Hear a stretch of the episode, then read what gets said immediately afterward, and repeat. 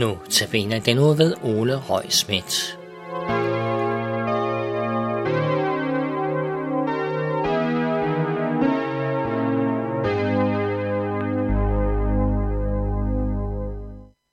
Og vi er dermed nået til den sjette og sidste notabene andagt i denne uge.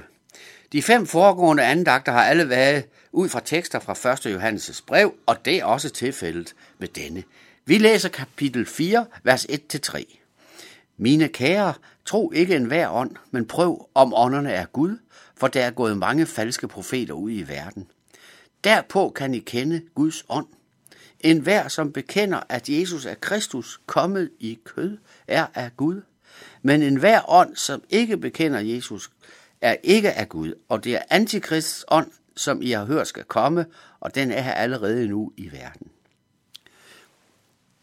Man kan ikke tænde ret længe for fjernsynet eller radioen, søge ret længe på internettet, gå på biblioteket ret længe, eller læse ret længe i blade og magasiner, før man kan blive præsenteret for et sandt virvar af meninger, anskuelser, strømninger og åndelige tilbud.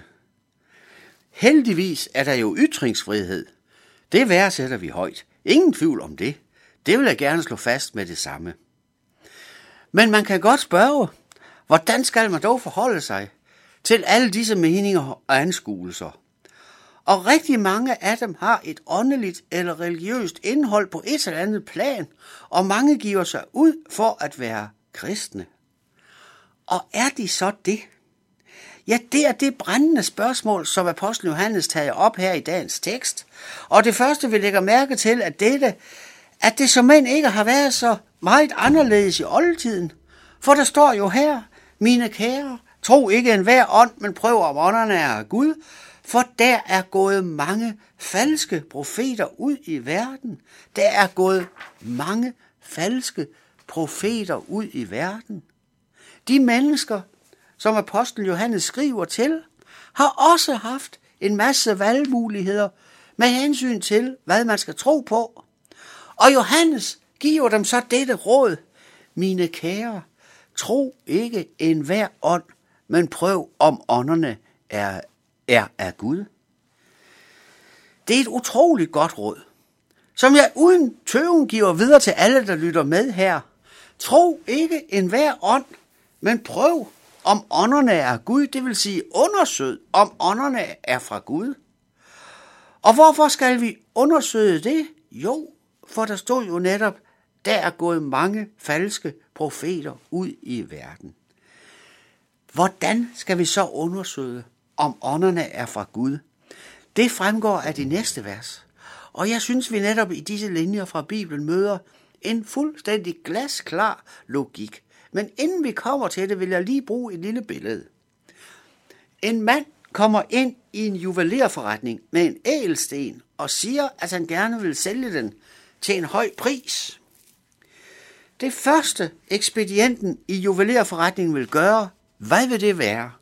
Jo, han vil selvfølgelig undersøge, om ædelstenen er ægte, eller om der er tale om en forfalskning.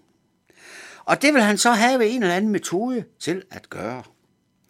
Og tilbage igen til apostel Johannes, der altså her siger, at når vi nu er omgivet af alverdens åndelige meninger og åndelige anskuelser, der alle sammen giver sig ud for at være fra Gud, jamen så skal vi undersøge, om der nu også er tale om den ægte vare, eller om der er tale om falske profeter.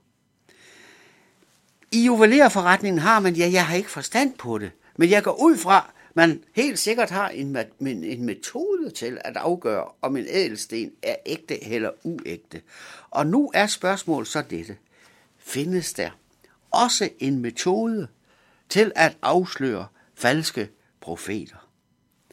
Ja, apostlen Johannes anviser faktisk en metode. Og hør her, hvad den går ud på. Derpå kan I kende Guds ånd.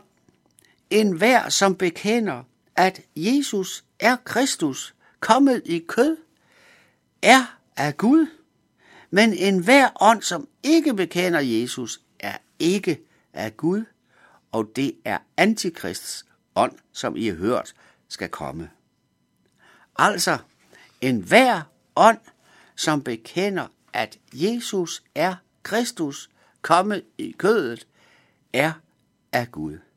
Og det vil sige, at hvis vi skal, at hvis vi skal bedømme ånderne, så skal vi høre efter, om de bekender, at Jesus er Kristus, kommet i kødet. Hvis de gør det, så kan vi være helt trygge, for så er ånderne fra Gud. Og det kræver igen en forklaring. For hvad vil det sige, at Jesus er Kristus? Jo, det vil sige noget helt bestemt. Det har et helt ganske bestemt indhold. I det nye testamente betyder ordet Kristus den salvede. Og den måde, hvorpå ordet anvendes i det nye testamente, betyder det, at Jesus er den salvede, det vil sige den person, som af Gud blev bestemt til at træde ind i denne verden og være verdens frelser. Der går nemlig en rød tråd gennem hele Bibelen, der går ud på, at der skal fremstå en frelser, der skal bære verdens synder. I det gamle testamente peges der frem imod, at han skal komme, og i det nye testamente berettes der om, at han virkelig også kom i skikkelse af det lille Jesusbarn, der blev født i en stald julenat omkring år 0. Og Bibelens budskab er så dette, at denne frelser, Jesus Kristus, er Guds søn, der således kom til jorden, for at, for at enhver, der tror på ham, ikke skal fortabes, men have evigt liv, for nu at bruge et citat fra Johannes evangeliet. Hvis der forkyndes således om Kristus, så kan vi være trygge, siger apostlen Johannes. Jo, for enhver ånd, der bekender, at Jesus er Kristus, er af Gud. Forkyndes der derimod noget andet, eller bliver budskabet om Kristus modereret eller forvansket, så skal vi være på vagt. Jo, for der stod jo, men enhver ånd, der ikke bekender Jesus, er ikke af Gud, og det er antikrists ånd, som I har hørt, skal komme. Her i Københavns Nære Radio ønsker vi at forkynde, at Jesus er Kristus. Men vi må også være ydmyge, for vi kan sagtens komme væk fra dette, og vi kan sagtens blive ledt på afveje. Og kigger man ud over verden, kan vi se, at der findes mange forskellige kirkesamfund. Metodister, baptister, pinsevenner, katolikker og mange flere.